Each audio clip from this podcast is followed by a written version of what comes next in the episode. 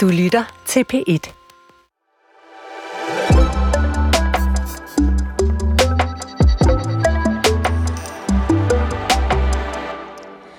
Dengang jeg var barn, var fremtiden fjern. Noget med flyvende biler, onde robotter og rummad i tuber.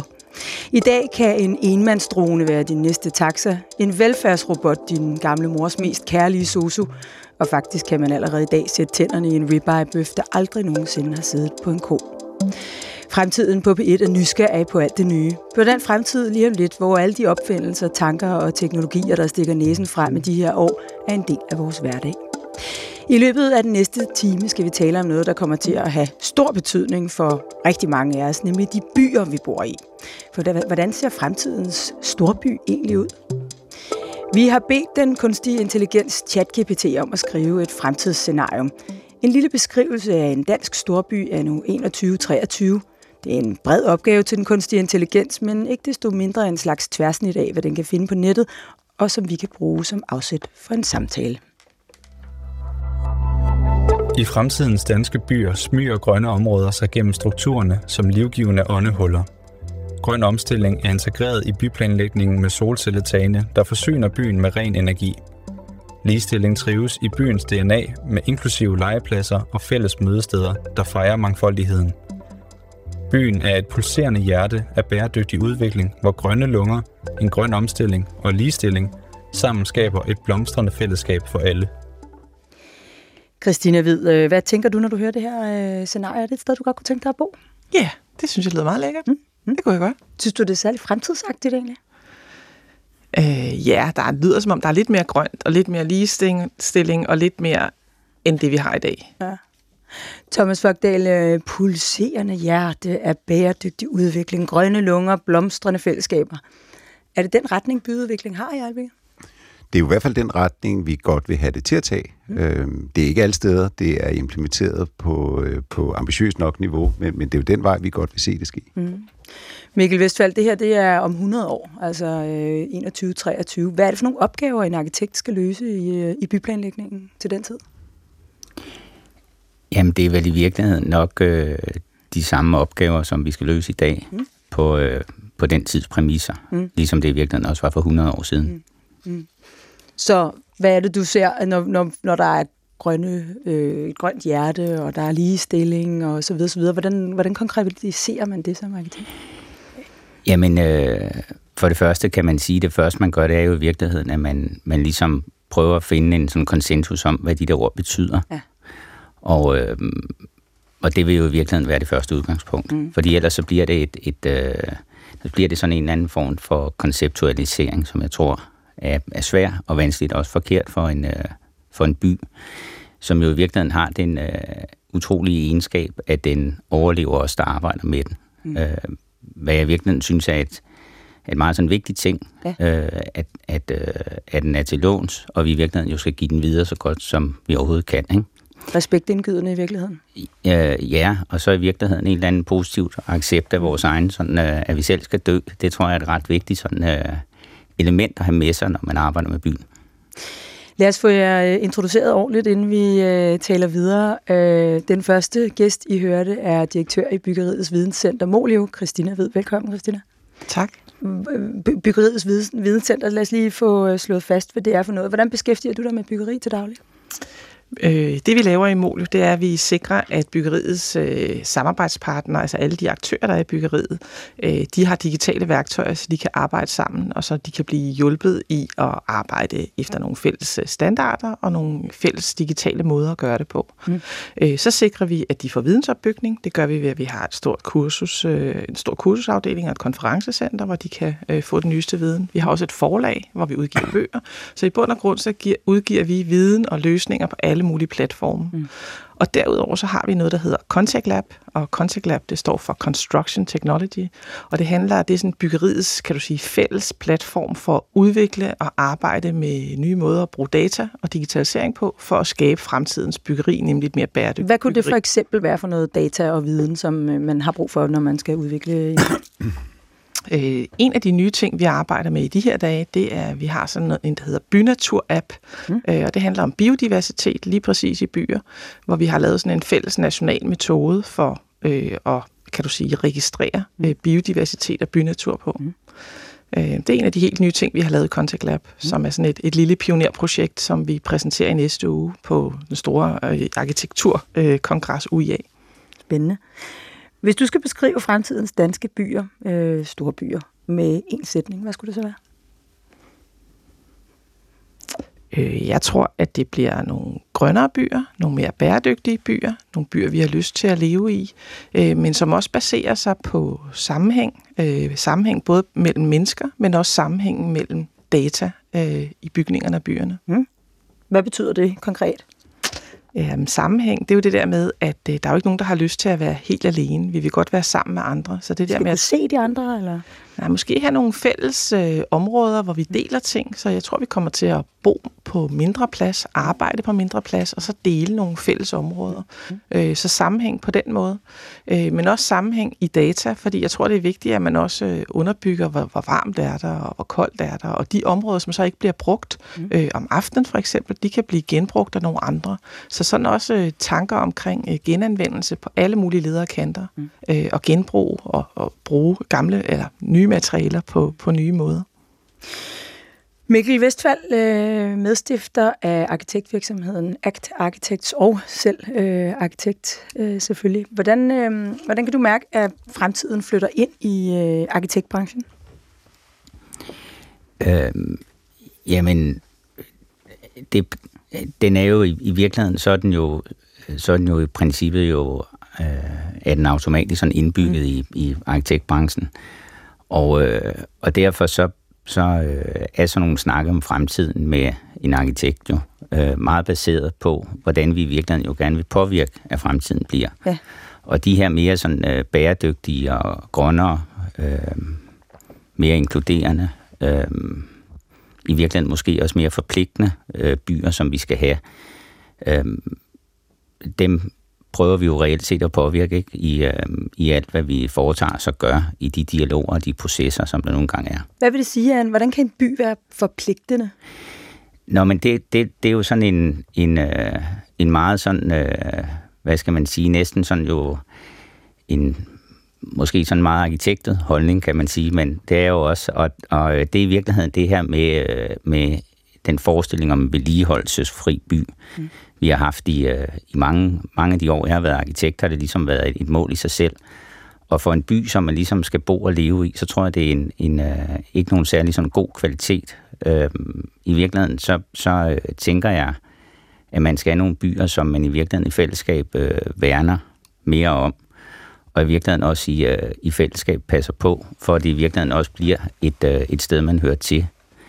Øh, ellers synes jeg, der er sådan nogle effekter af, at, at, øh, at byerne ligesom bliver, bliver forretninger, ja. man bygger, og er, er sådan nogle forskellige former for kommersielle lag. Og derfor tror jeg, at hvis rigtig mange af os skal bo og leve i en by og have det som der, hvor vi bor, så tror jeg også, at vi skal have en følelse af, af forpligtelse i forhold til at passe på den. Og det der med forpligtelsen, den, øh, det vender vi tilbage til. Øh, Thomas Fogdal, velkommen. Stifter af Copenhagen Windows øh, rådgivningsvirksomhed, som øh, rådgiver omkring øh, ejendomsudvikling, bykvarterudvikling. Øh, og dermed er det øh, lidt på, med en anden vinkel end det Mikkel Vestfald som arkitekt gør, øh, også din GB ligesom at forstå og også forme bylivet i, i fremtidens byer. Mm, vil du prøve at sige lidt mere om, hvordan I bidrager til at, øh, at forme fremtidens by? Vi, vi prøver at, øh, at skabe et overblik over, hvad, altså, hvad er det, vi forventer, at, at fremtidens by skal, skal skabe rammerne for. Øh, det, det handler jo meget om demografisk analyse, det handler om urbanisering, globalisering, hvad er det for nogle forskellige behov, der ligger os inderlø- øh, altså nedenunder, vi bliver flere ældre, hvordan laver vi bedre rammer i forhold til inklusion for dem, øh, betalbare boliger, målt op også imod nogle politiske forventninger, og den rådgivning samler vi så til primært, hvad der jo er de store ejendomsudviklere, pensionskasserne, fondene øh, og de større ejendomsejere, for at kunne blive mere skarpe på, til hvem skal vi bygge, til hvilken befolkning, og hvordan ser det ud frem i tiden, og hvad er deres konkrete behov. Så mm, hvis jeg nu skal gøre det lidt mere konkret, når nu Mikkel og, og hans folk har tegnet øh, huse og øh, anlagt dem på en bestemt måde, fordi de skal, det skal forme byen. Hvad er det så, I gør? Ja, vi arbejder konkret? sammen med, med, med Mikkel og gode arkitekter. Mm. Øh, de, de tegner jo de konkrete rammer, men, men nedenunder det ligger der jo en, en, en mere kompleks orientering omkring, altså hvad er den kravspecifikation, vi forventer, at for eksempel vores pensionsmidler skal, skal bruges til i et, i et samfund, som alt andet lige går i brødnid, og hvor vi bliver flere ældre. Der vil der ligge en større forventning om, at for eksempel pensionskasserne indgår i en, i en social kontrakt og er med til at løse for eksempel øh, det boligbehov, der er at lave bedre byer, bedre arbejdspladser og de ting. Og den rådgivning sidder vi og laver, og så er det, at arkitekterne side om side laver, laver det dygtige resultat. Mm. Men når I laver, når du siger, øh, I laver øh, udvikling af, af bydele, hvad, hvad sker der konkret, når I har været inde? Går I ind og siger, der skal der ligge en bager, og der skal der ligge en vinbutik? Eller hvad, hvad nej, er det helt konkret? Nej, det, det, i virkeligheden ligger der jo et strategisk niveau inden, ja. hvor at, øh, at vi skal ind og validere Øh, der skal jo gerne være nogle brugere på den anden side, og det skal jo både være noget, som, som skaber noget gevinst for, for de borgere, der skal bo i byen, men, men der skal også være et investeringsperspektiv på, som gør, at, at vi kan gå ind og validere, at den investeringsanbefaling, der ligger, øh, også har virker i en større samfundskontekst, men, men at du reelt også får en, en forretning af dine pensionsmidler. Mm. Vi skal i løbet af programmet i dag tale om, hvordan fremtiden ser ud for byer i Danmark. Det er et meget stort, øh, meget stort emne. Øh, derfor har vi besluttet at snævre det en lille smule ind, så vi fokuserer på nogle øh, af de her øh, parametre, som øh, jeg ved, øh, I, der skal bygge fremtidens by, øh, fokuserer meget på, som er ting som øh, ligestilling, grøn omstilling, forhold mellem øh, land og by. Øh, og det er ligesom de tre temaer, vi har primært fokus på øh, nu. Mikkel Vestfald, øh, Ja, grøn omstilling, det, det kan vi jo godt, det ved vi godt øh, et eller andet om, øh, hvad er, øh, som er jo noget med, at byer øh, helst ikke skal forurene. Jeg er lidt mere nysgerrig på, hvordan, hvordan, kan, hvordan kan man med arkitektur understøtte ligestilling? Ja, det, det, øh, altså det, vil, det vil jeg for det første gerne svare på. Øh, jeg vil godt starte med at sige, at, at øh, nu vidste jeg jo godt, at vi skulle snakke om det i dag. Og, øh, og derfor har jeg faktisk tænkt meget over det øh, de sidste dage her. Øh, og for det første, så er det jo igen, øh, som jeg sagde før, der er et eller andet i, at man, man skal blive enige om, hvad ordet øh, drejer sig om. Er det, øh, er det en, en kvinde-mand-ting? Er det, øh, er det øh, alle mulige former for forskellige former for for, for kønsretninger? Mm. Øhm, er det imellem indtægter? Er det imellem religioner? Mm. Er det ældre? Er det alle de her forskellige ting? Øhm, og øh, i virkeligheden, så, øh, så mener jeg jo, at, at, at, øh, at det bør kan man arbejde med i, øh, i byudviklingen. Øhm, Hvordan? Men, jamen, altså... Øh, Hvornår du truffet et valg som arkitekt, som understøttede øh, kønsligestilling, for eksempel? Jamen det, det er jo, det, er jo et, et, det kan jeg faktisk helt ærligt ikke svare på. Altså, øh, fordi vi i virkeligheden jo som, som udgangspunkt, kan man sige, så vil man jo godt lave byer til, til mennesker, som er gode at bo i mm. øh, for mennesker. Og i virkeligheden, så ligger der jo også alle de her faser indbygget i, i, et, øh, i et liv og i en bolig. Og i virkeligheden skal et, et godt byggeri, der i virkeligheden jo skal forhåbentlig skal stå i, i byen i mange, mange hundrede år, mm. jo i virkeligheden kunne modtage alle mulige forskellige mennesker på alle mulige forskellige tidspunkter og i situationer i deres liv, og i virkeligheden jo være med til at afspejle det samfund og den øh, demografi, man lever i på et mm. givet tidspunkt. Mm. Men, men, øh, men omvendt, så er der også nogle, jo nogle her og nu ting, som, øh, som skal understøttes. Og øh, nu øh, læste jeg lidt på det, og kunne se, der var lavet en, en park i Sverige øh, til piger. Og noget af det, jeg synes, der var, var svært ved det, og som helt ærligt også som, som, øh, som, som mand ikke, øh, midt i livet, øh, så var den der om min datter, på en rigtig sådan københavner datter på 16, øh, så var den der Parks ting, det var, at den var, at den var Instagram-venlig. Og det ved jeg ikke rigtigt om er sådan en understøtning af, af min datter i forhold til, til, til byudvikling. Jeg synes, der er øh, nogle ting omkring øh, for eksempel tryghed, som, øh, som jo for det første jo er, er sådan en fysisk aktiv ting, vi skal arbejde med, men også er en, en følelse. Og virkeligheden er jo den, at min, min, min søn, som er, er stor, han har haft en form for sådan regelsæt, når han har bevæget sig ud i byen og blevet stor, og jeg er væsentligt mere restriktivt over min datter. Ja. Øhm, og, og hun føler sig også mere utryg, ja. selvom er, er langt de fleste voldsoffer er mænd. Så der er et eller andet i, i det der, som øh, vi faktisk mangler at løse. Thomas Vagdal, kan du, øh, kan, kan du lægge den parameter, der hedder ligestilling, ned over den måde, vi, øh, vi udvikler en bydel, eller måske bare udvikler en ejendom? Altså kønsligestilling eller ja. social ligestilling? Ja, kønsligestilling. Altså, jeg tror i hvert fald, at vi er ikke gode. Altså, vi, vi tendenserer nok for meget og siger sådan one size fits all. At vi, vi har i alt for mange år øh, bygget standard øh, familieboliger, og så har vi prøvet at hakke dem op for lige at passe til, til de forskellige, og hvor sidst jeg kiggede, tror jeg, det var 37 forskellige familieformer, der mm. findes. Der findes jo enormt mange mm. øh, øh, underliggende demografiske målgrupper, som, som vi ikke i dag formår at omfavne og bygge øh, relevante boliger nok til. Øh, Øh, hvordan rammerne lige præcis ser ud i praksis, det er jo nok der, hvor arkitekturen kommer på arbejde, men, men vi prøver at søge at skabe en bevidsthed om, at, at vi skal netop bort fra det her one size fits all. Vi bliver nødt til at læne os ind i, at der er mange forskellige behov og familietyper mm. og seksualiteter og kønsting, der ligger nedenunder. Og så, så, så ligger der et stort arbejde i at folde det ud i praksis. Ja. Ja. Jeg ser jo, at øh, By og Havn havde i går åbnet en udstilling, som, øh, som handlede lige præcis om det, Mikkel taler om, om, om at lave nogle feminine byrum, hvor, hvor det tendenserer, at vi i byerne, der det er meget drengeorienteret med parkour og skateboard og alle de der ting, men, men som, som, øh, som, som pigerne svarer helt konkret på, at det føler de ikke, at det byrum, de har lyst til at være i. Mm. Så, det, så det er en god udvikling. Mm. Hvad, med, hvad med sådan noget som, at man samler nogle meget store specialfunktioner øh, tandlægen og apoteket og børnehaven og den slags. Og så ved vi jo godt alle sammen, hvem det er, der øh, følger børnene derhen. Det er jo, det er jo damerne, ikke? Er det det? Ja, det er det. Okay. Stadigvæk. Ja. Ja, sådan er det i familierne. Er det, øh, at, at, at det er også en vej, man må gå, hvis man vil skabe ligestilling i by, og altså sørge for, at, at den slags ikke ligger så langt væk, så en, et, en barns første sygedag eller tandlægebesøg er noget, der koster en halv arbejdsdag?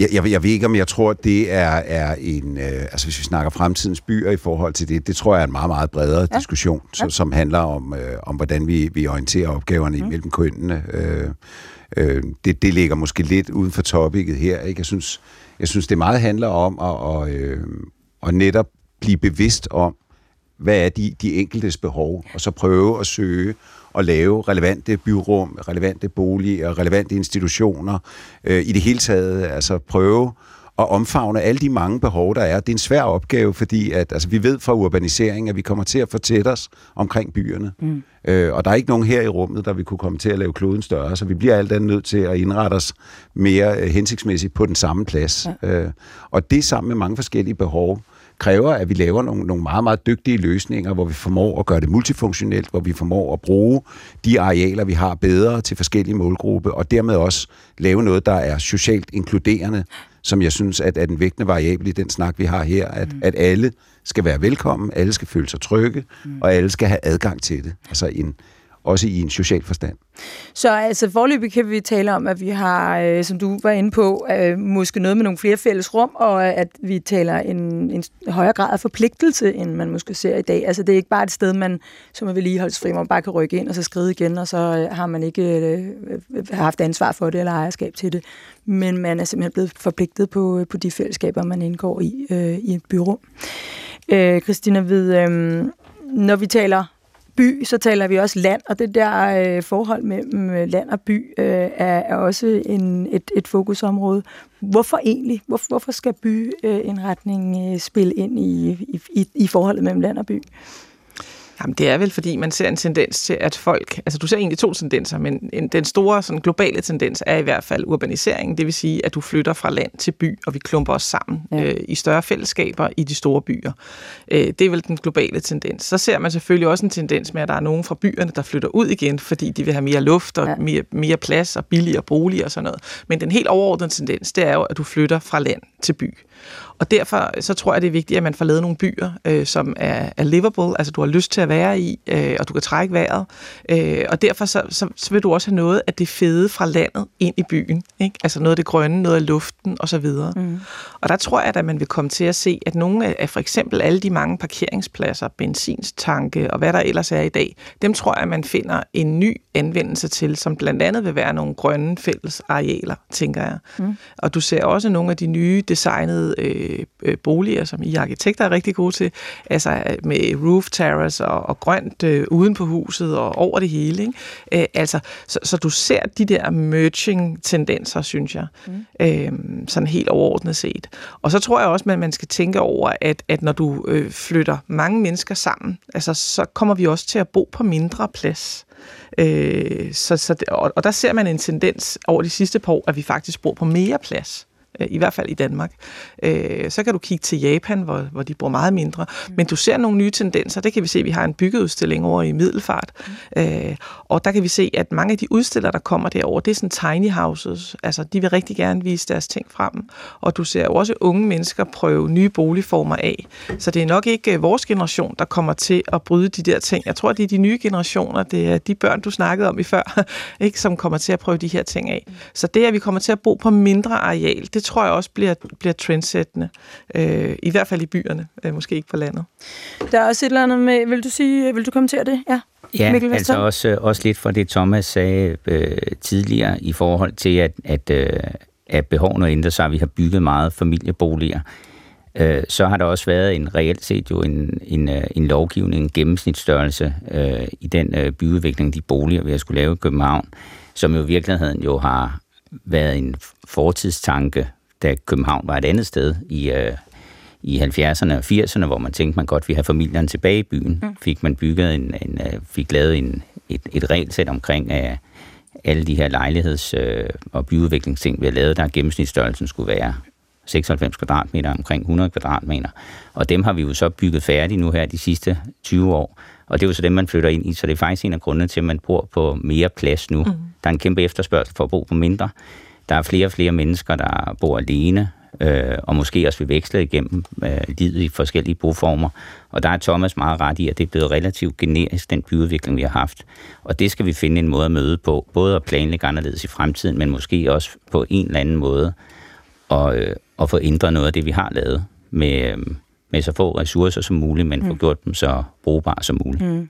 Så, så det der med at, at, at bare rydde fladen og starte forfra, det kommer vi ikke til at, at se på samme måde. Øh, Nej, og, og, og, og heldigvis for det, fordi at, at, øh, at, at det her med at bestemme sig for, at der er årtier, vi synes er grimme, og nogle vi synes er super smukke, der er noget, der er værd at bevare, der er andet, der ikke er værd at bevare.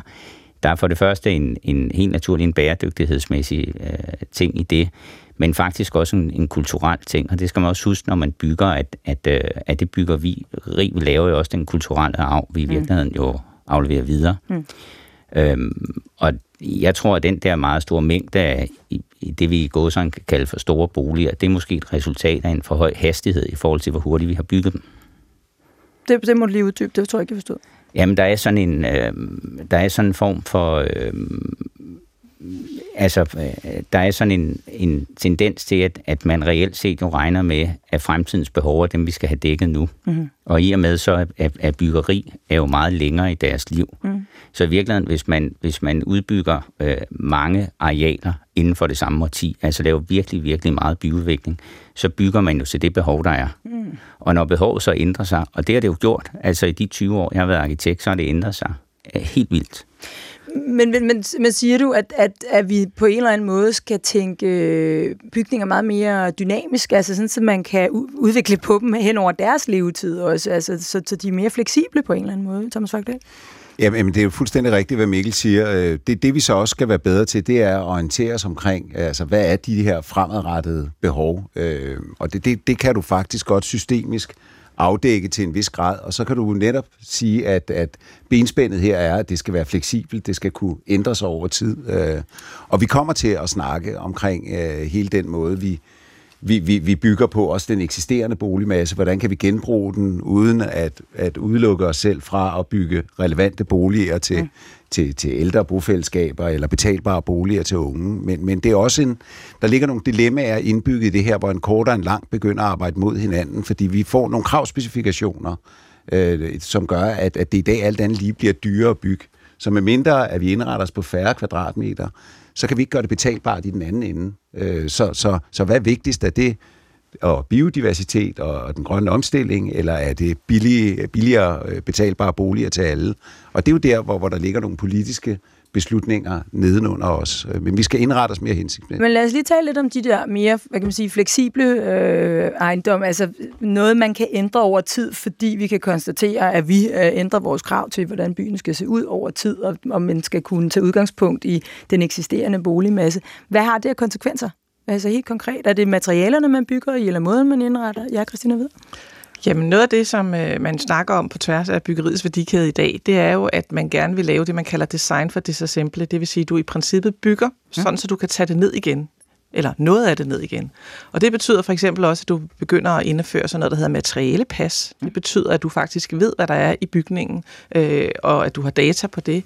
Øh, sådan så når du skal bygge det om, så ved du faktisk, hvad der ligger i det. Det betyder både, at du ved, øh, kan vide, hvor, hvor længe øh, tingene kan holde. Det betyder, at du kan vide, hvordan CO2-aftrykket og andre ting er. Øh, men det betyder også forhåbentlig, at det er nemmere at bygge det om øh, i fremtiden. Så jeg tror, at det, du kommer til at bygge fra i dag af og frem, der vil du tænke på den måde. Det har du ikke gjort tidligere. Øh, men det betyder jo ikke, at det ikke skal stå der længe, men det betyder, at du løbende kan bygge om. Øh, og den tankegang, den tror jeg kommer ind. Og så tror jeg, det her med at teste nye materialer af, også kommer til at bygge, øh, betyde noget. Ja. Øh, for eksempel tror jeg, at øh, du kommer stadigvæk til at bygge med, med beton og tegl og træ og stål, men jeg tror, du kommer til at tænke på det på en anden måde, og bruge mindre af tingene og genbruge det. Og jeg tror også, at noget af det, som vi i dag ser, er smukt, øh, der kan det være, at vi om 20 år tænker, at det er noget andet, der er smukt. Fordi vi faktisk synes, at det forhåbentlig også vil være smukt at genbruge materialerne, at vi synes, det vil være flot, når der pludselig er skåret et kæmpe hul, der giver dagslys ind øh, i et, øh, et byggeri, som man måske tidligere ikke anså som så smukt. Mm. Øh, så sådan nogle ting, tror jeg, kommer til at betyde noget. Men, men bottom line, det jeg egentlig prøver at sige, det er, jeg tror, man kommer til at bygge øh, og inkorporere data og arbejde med viden i bygningerne på en helt anden måde fremadrettet. Mm. Men så lad os, øh, lad os tale mere om den der grønne omstilling. Hvad er det, der er... Øh, altså, øh, beton, det er jo et, et regulært udfordring, når man øh, bygger, hvis man gerne vil være grøn. Det, hvad, hvad er det, beton tegner sig for 8-9 procent af verdens CO2-udledning, er det ikke øh, den størrelsesorden? Øh, så det er vel en regulær udfordring. Det kan vel være svært at bygge noget som helst og sige, at der er noget som helst grønt i det, hvis der er beton, eller hvad? Øh, ja, altså, øh, der, der er jo... Øh, Altså for det første, så er jeg jo øh, øh, meget enig i, øh, og synes også, at, at, øh, at der i, øh, i dit spørgsmål jo også ligger den her snak om æstetik i virkeligheden. Der, der er en, øh, en æstetik, som også ændrer sig, som ændrer sig over tid, og som øh, er vigtig. Der er en eller anden form for, for kvalitetssnak af, af de her øh, øh, øh lejligheder, vi har på Nørrebro, på Poppelgade og Elmegade og så videre, de er virkelig ikke et eksempel på en, en boligtype, der har været ret sådan øh, god til at tilpasse sig alle mulige forskellige perioder. Det er også øh, mindre lejligheder, kan man sige. Der er både mange mennesker i dem, der har boet få. Måske kommer til at bo mange mennesker i dem igen. Og øh, det er rigtigt nok, at det her meget generiske byggeri, vi har haft øh, de sidste årtier, øh, er også utrolig solidt og faktisk utrolig svært at, at, at skille ad. Hvor hele den her design for disassembly jo et bindingsværkshus var i virkeligheden tænkt sådan, fordi at øh, træ var ekstremt kostbart mm. på det tidspunkt. Så man skulle i virkeligheden vide, at man havde det her træ stående, man kunne mm. bruge et andet sted og flytte det, fordi man vidste godt, at det hus der var en midlertidig foranstaltning. Mm. Øhm, omkring øh, det med beton og, øh, og bæredygtige byggematerialer materialer i det hele taget. Nu er jeg jo den lykkelige medejer af et, øh, af et biodynamisk byggemarked ude på Refaløen. Mm. Og, øh, og har et arbejdet, biodynamisk byggemarked? Ja, simpelthen. Ja. Mm. Øhm, som hedder Havnens Center. Ja, jeg går ikke ud fra, at man køber beton der. Nej, men man, man køber øh, øh, byggematerialer lavet af hamp og af, ja. af græs og kan man, by- kan man bygge øh, kan man bygge et helt hus i, i sådan nogle materialer, biodynamiske materialer? Ja, det, det, det kan man godt. Øh, Bare ikke særlig højt, eller hvad? Nej, det er faktisk rigtigt.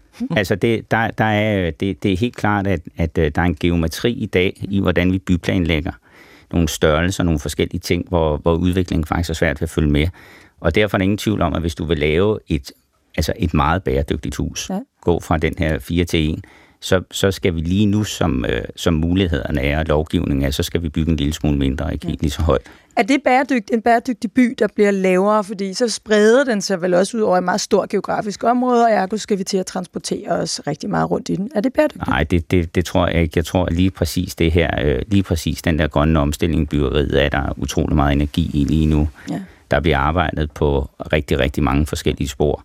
Og der er nogle must-win battles, som vi, øh, som vi kommer hen over de næste fem, fem år. Hvad er de? Jamen, det er for eksempel, at, at i en fortættet by, øh, der skal vi have løst, at vi eksempelvis kan bygge trækonstruktioner i otte etager i Danmark, som man i virkeligheden jo godt kan i Norge og Sverige. Så ja. der er sådan et brandregulativ, nogle forskellige teknikker osv., der skal, der skal følge med. Øh, så nej, en, en byen vil fortsat være, være høj og, og tæt. Så kan man altså have sådan en æstetisk diskussion om, hvilken højde der egentlig er smuk i en by. Og det er sådan en anden ting. Og helt konkret omkring København, så synes jeg, at vi skal passe på, at den her flotte femetagers by, vi ikke har haft sådan helt automatisk bare vokser til 7 og 8. Der er meget stor forskel. Ja. Hvorfor, hvorfor skal vi passe på det? Altså det er bare fordi, nu har vi tilfældigvis valgt den højde, og det, var meget, det kunne vi meget godt lide, eller øh, er, er der en eller anden speciel øh, tommelfingerregel i? Ja. Jamen, der er jo, altså, der er jo sådan en, øh, er jo noget med, hvor store os mennesker i virkeligheden er, og hvordan tingene er, er proportioneret. Mm. Øhm, og, og en eller anden form for balance, og der sker også noget i forhold til det miljø øh, nede på gaderne og så videre, hvis husene bliver højere. Mm. Men, men det er sådan en lidt, øh, nok lidt for abstrakt snak, fordi der kan også godt være, øh, øh, du kan godt have det modsatte scenarie, det vil sige, du kan godt være et sted, hvor man tænker, jamen her er der en kontekst og nogle muligheder og, og et behov, som gør, at har vi bygget 10 etager.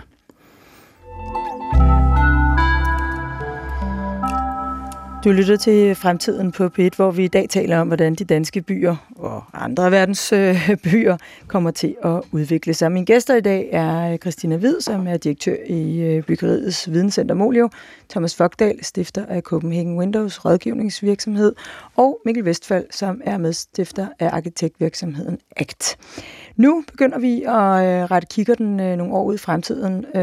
Vi taler mest om Danmark i dag, og det er simpelthen for at, at sætte et fokus, men øh, vi, skal, vi skal lige tale en lille smule om noget, der foregår et helt andet sted i verden, nemlig i Saudi-Arabien, øh, hvor øh, der er øh, gang i et byggeprojekt, der hedder The Line, eller Linjen. Har I hørt om det? Ja.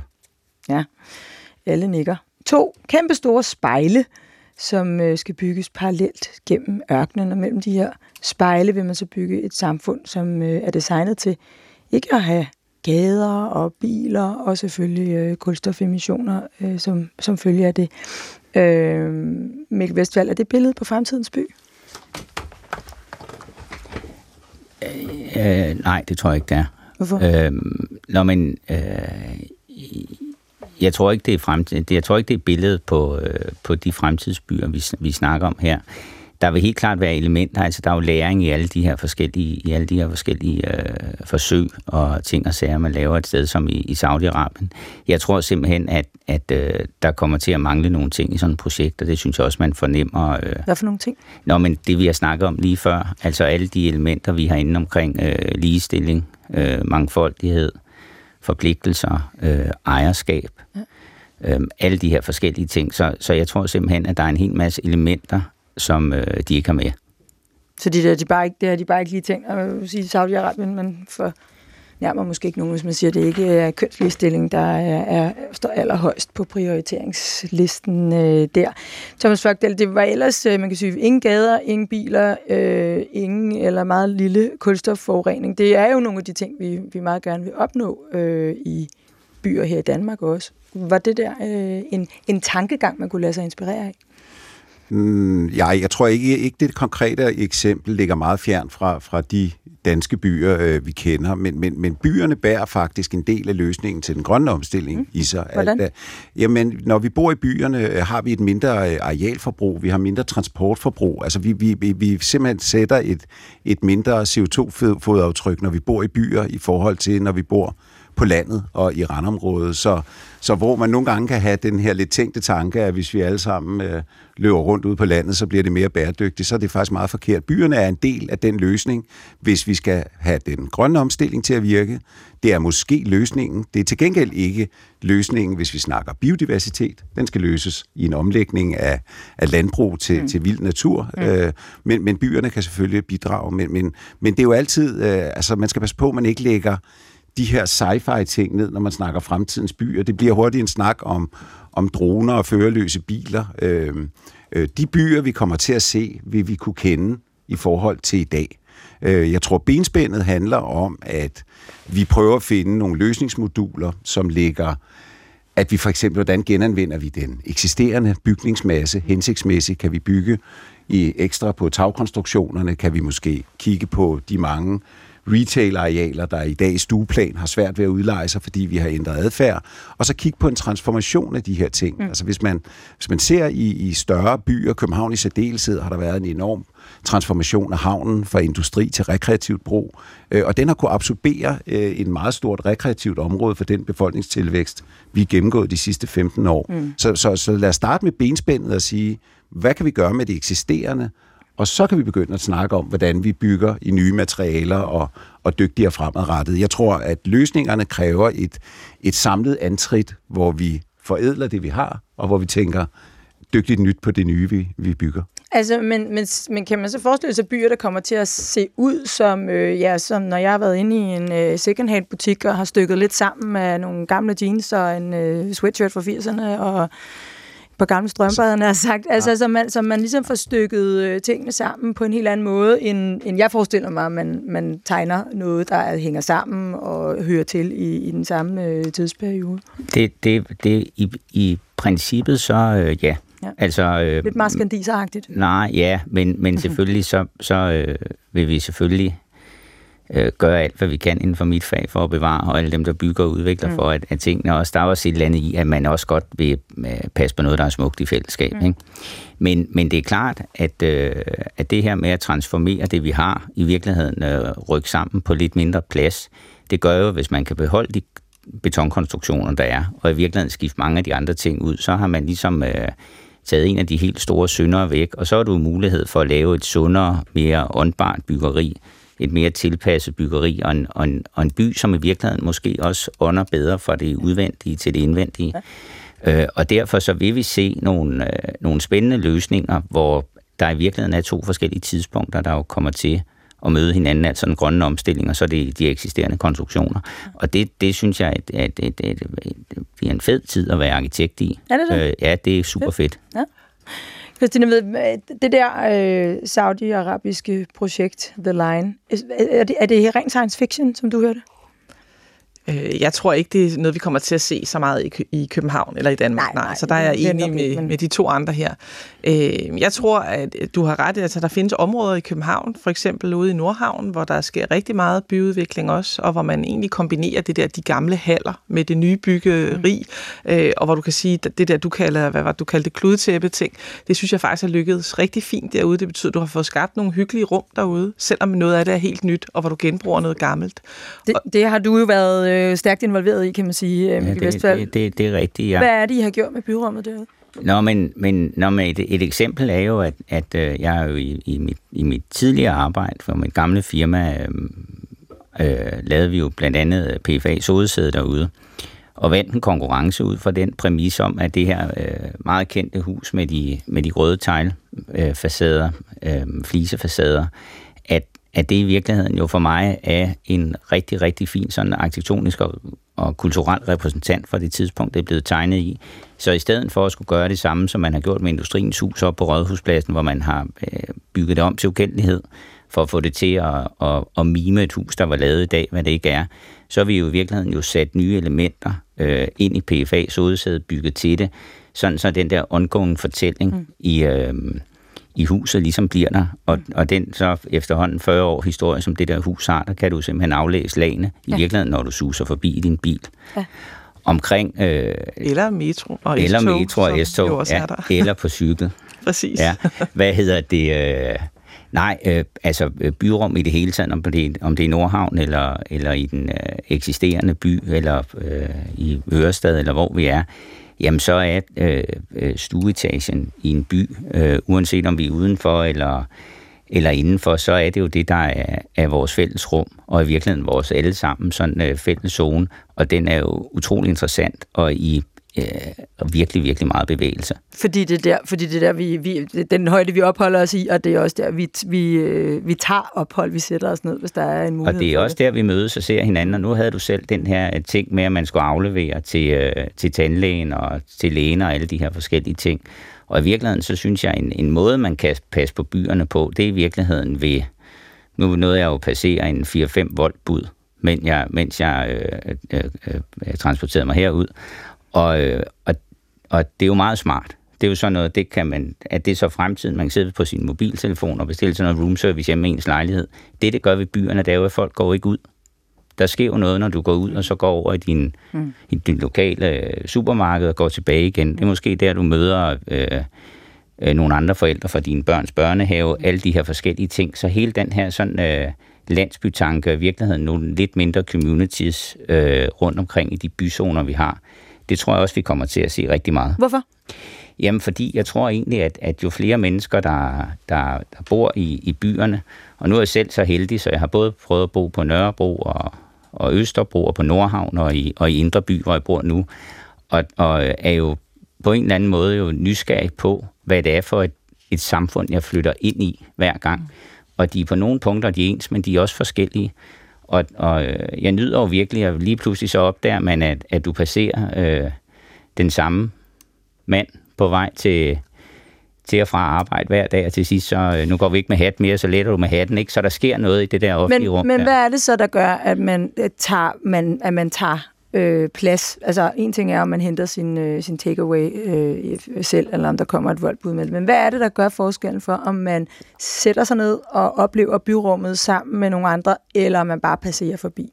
Jamen, jeg vil lige godt øh, udfordre Mikkel lidt på den, øh, den, den, hvad jeg mener lidt en fejlslutning, at vi i mange år troede, at nu indretter vi os bare, så vi sidder hjemme, vi får det hele leveret, og så sidder vi der i mørke og spiller computerspil og får leveret mad, fordi det, det som, som, som vi kan se, er, at øh, du sparer nogle samlede ressourcer ved at indrette dig anderledes. Øh, det vil sige, at, øh, at størstedelen af det, du gør, når du gør det på nettet, er tid og penge, altså samlede ressourcer. Til gengæld veksler vi det til oplevelser i det offentlige rum. Så i dag har du aldrig set et større øh, ønske om at være en del af fællesskabet, om det er i festivaler og musik og koncerter og film og rejse. Så vi veksler noget af den ting, hvor, hvor, hvor, hvor vi sparer de ressourcer til oplevelser i fællesskabet. Og fællesskabet synes vi at kunne se på tværs, om det er bolig eller arbejde. Øh, øh, det, det er noget, man ønsker at købe ind i. Der, der er ikke noget, der ligner et ønske om, at vi bare øh, indretter os smart og sidder derhjemme og isolerer. Men, men de fælles, så lad os blive lidt konkrete på, hvad, hvad er det for nogle fælles funktioner eller fælles rum, der er i fremtidens by? Altså er det, er det bare, at øh, når man nu har man bygget bygningerne så tæt, at nu er der opstået sådan en lille hyggeligt hjørne der, hvor der er en vinbar, eller er det det der øh, motionshus, som øh, nu er vi tilbage i Nordhavn, øh, på parkeringshus, hvor der er øh, motionsmulighed på toppen, eller er, det, er vi helt inde i selve boligen? Er vi øh, deler køkken med naboen? Eller hvor, hvor er vi hen med de fælles rum? Nej, men jeg tror, at det der, hvor man spiser sammen, for eksempel, ja. er et rigtig godt eksempel på fællesskaber. Ikke? At du kan se sådan noget som Absalon Kirke, hvor du tager hen og ja. laver og spiser sammen, fællesspisning ved Men har vi ikke en meget hyggelig øh, udgave af at spise øh, sammen fælles, der hedder en restaurant i forvejen?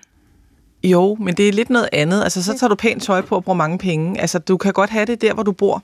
Ja, og du kan også have det for eksempel, når ældre bliver enlige, eller yngre bliver enlige. Altså, at, at du ikke skal være ensom. Så, så det der med, at du kan spise sammen, at, at der ligesom i din fremtidige bolig er skabt øh, steder til det. Men det kan jo også være sådan noget som, at, at, at ældre og børnehaver ligger sammen, og at man bruger faciliteterne om aftenen, når de er tomme. Altså, der er masser af muligheder, og det tror jeg, man kommer til at tænke mere over fremover. Det lyder sådan lidt kollektivagtigt?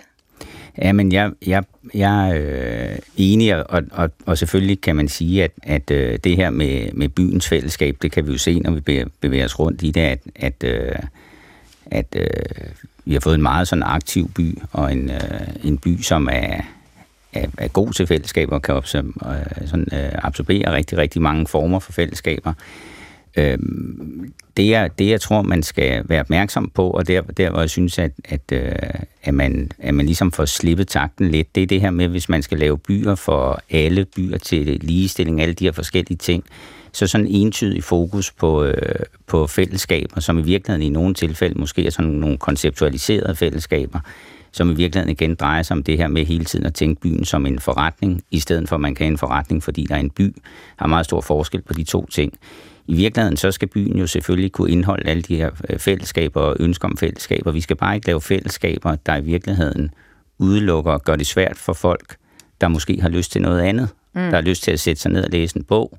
Der har lyst til stille og roligt at møde nogle folk. I, I virkeligheden så skal vi jo sørge for, at de der fællesskaber ikke omkranser de mange, men i virkeligheden udelukker de få. Men jeg tror, men, men det, er jo, det er klart, at der er, mange, der er mange behov, der skal dækkes, men altså på den ene side skal det forpligte, og på den anden side må det ikke forpligte. Det, det, det er Nej, næsten... men et, et forpligtende... Et forpligtende Rapunzel, et, hvem var der skulle komme med op på nøgne Ja, men det, for, det forpligtende er jo, en, er jo... Når jeg snakker om det, så snakker jeg jo om en, om en omsorg. Mm. Og en omsorg for det, for det nære. Ja. Et omsorg for der, hvor, hvor du bor. En omsorg for dig selv mm. også. Mm øh, og måske en omsorg for, for dine naboer, for de forskellige ting, der er, og ikke nødvendigvis for, at man er forpligtet til at stå ned på Rådhuspladsen, når Jonas Vingegaard vundet Tour de France.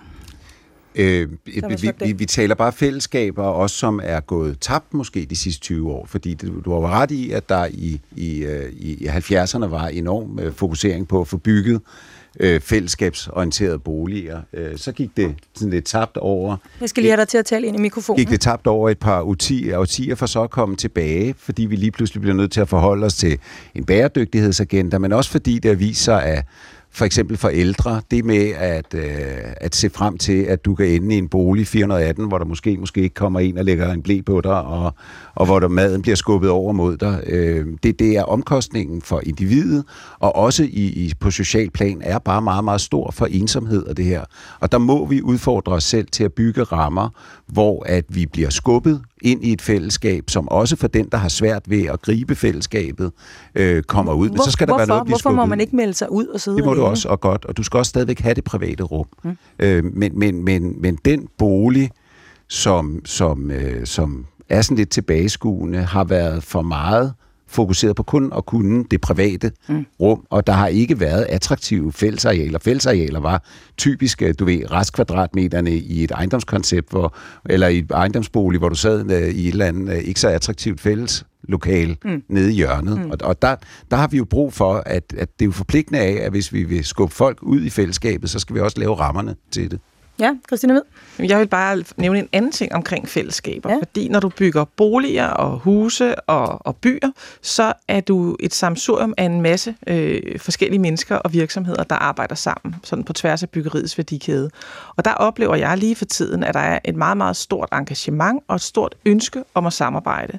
Øh, og her allersenest, der er der blevet nedsat sådan en, en, en handletank, øh, en toplederhandletank på tværs af byggeriets værdikæde, som han, handler om bæredygtighed hvor 50 øh, øh, virksomhedsledere har sat sig sammen med et hav af ressourcepersoner og eksperter, som siger, hvad er det, vi skal gøre anderledes i morgen end i dag, hvis vi vil accelerere den bæredygtige udvikling. Og en del af den bæredygtige udvikling er jo også at skabe gode byer.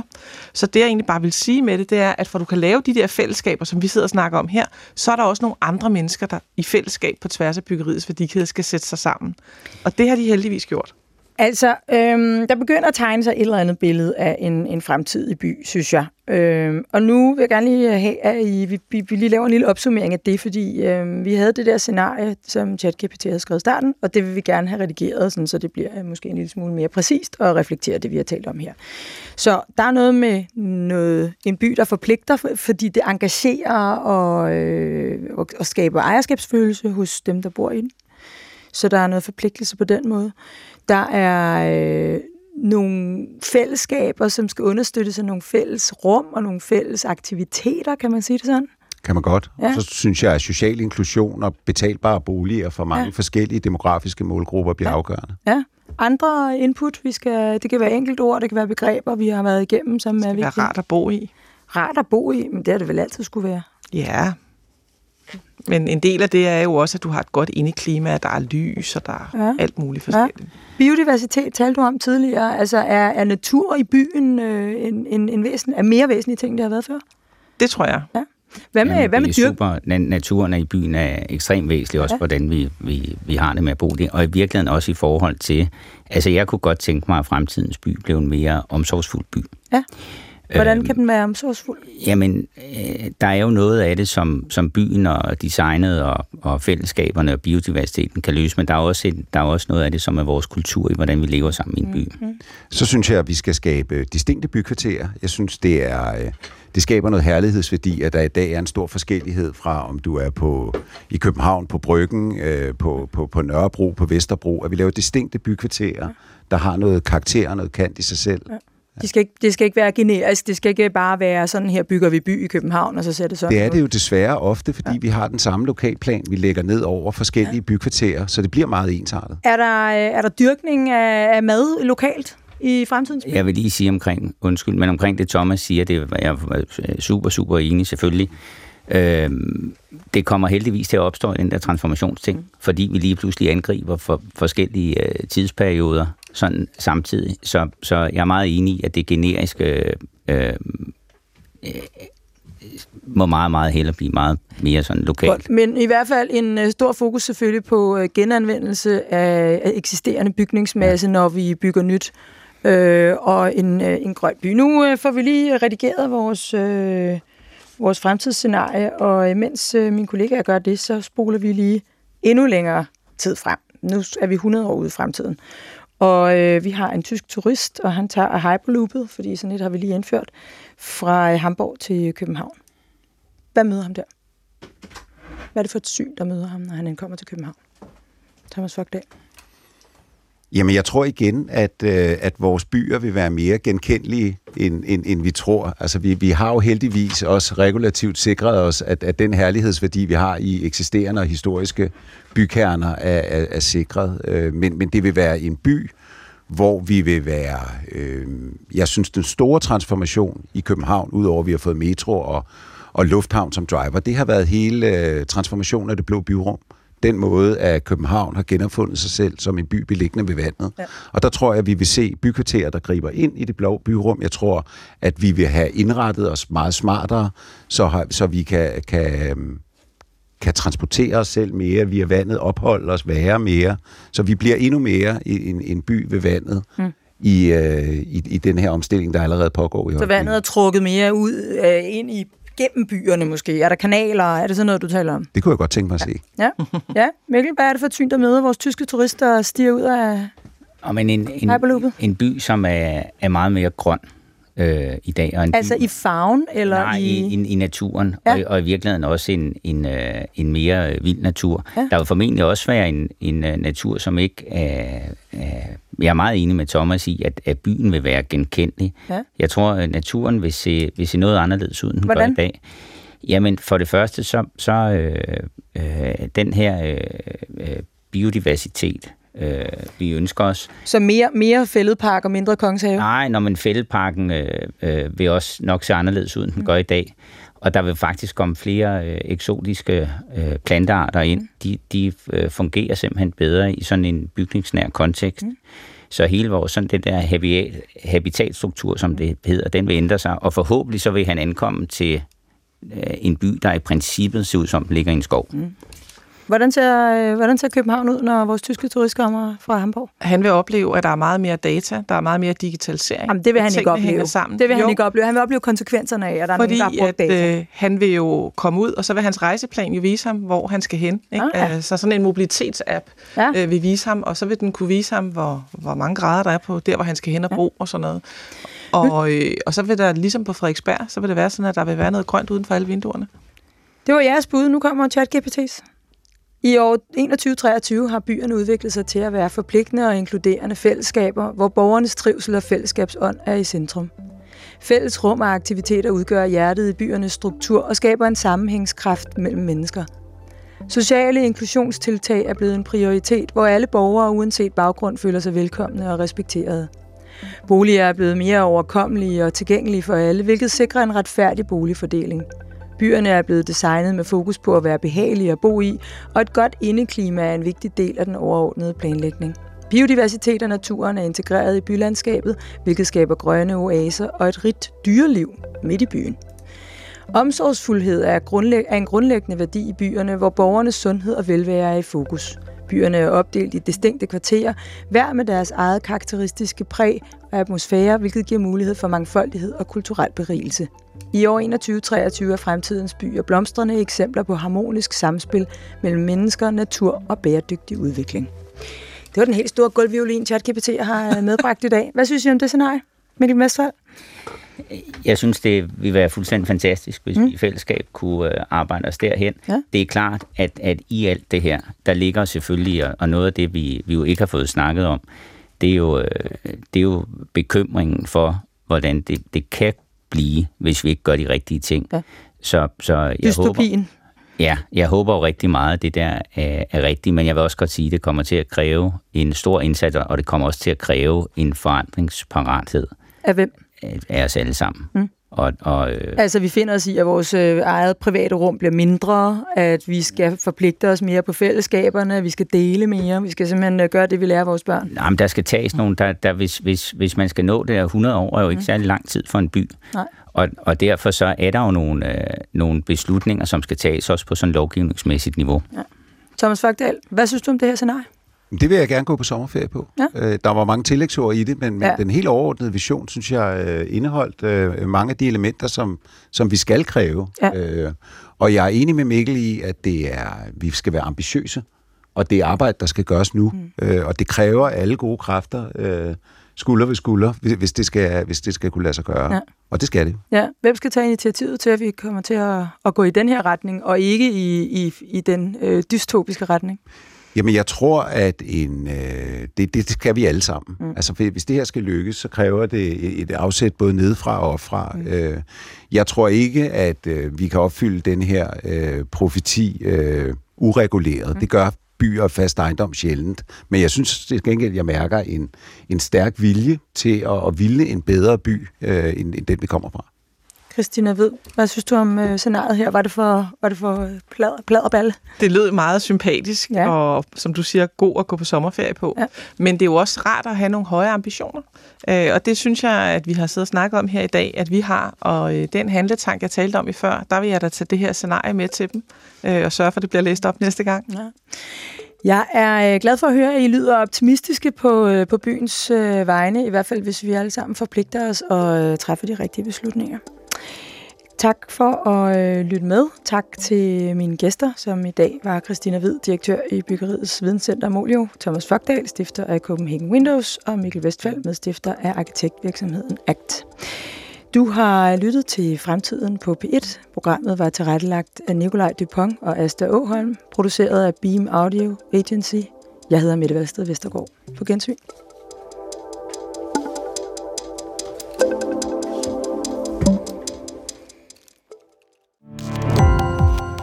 Gå på opdagelse i alle DR's podcast og radioprogrammer. I appen DR Lyd.